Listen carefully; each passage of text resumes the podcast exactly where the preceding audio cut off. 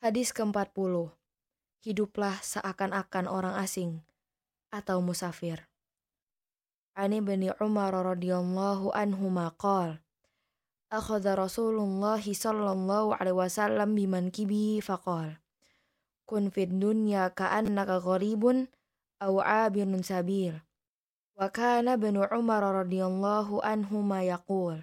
Idza amsayta fala tantadiri as-sabah Wa idza asbahta fala tantadiril masa wa khudni min sihatika limaradik wa min hayatika limautik. Rawahul Bukhari. Dari Ibnu Umar radhiyallahu anhuma, ia berkata, Rasulullah shallallahu alaihi wasallam memegang kedua pundakku lalu bersabda, Jadilah engkau di dunia ini seakan-akan orang asing atau seorang musafir. Ibnu Umar radhiyallahu anhu melanjutkan, "Jika engkau berada di sore hari, maka janganlah engkau menunggu hingga pagi hari.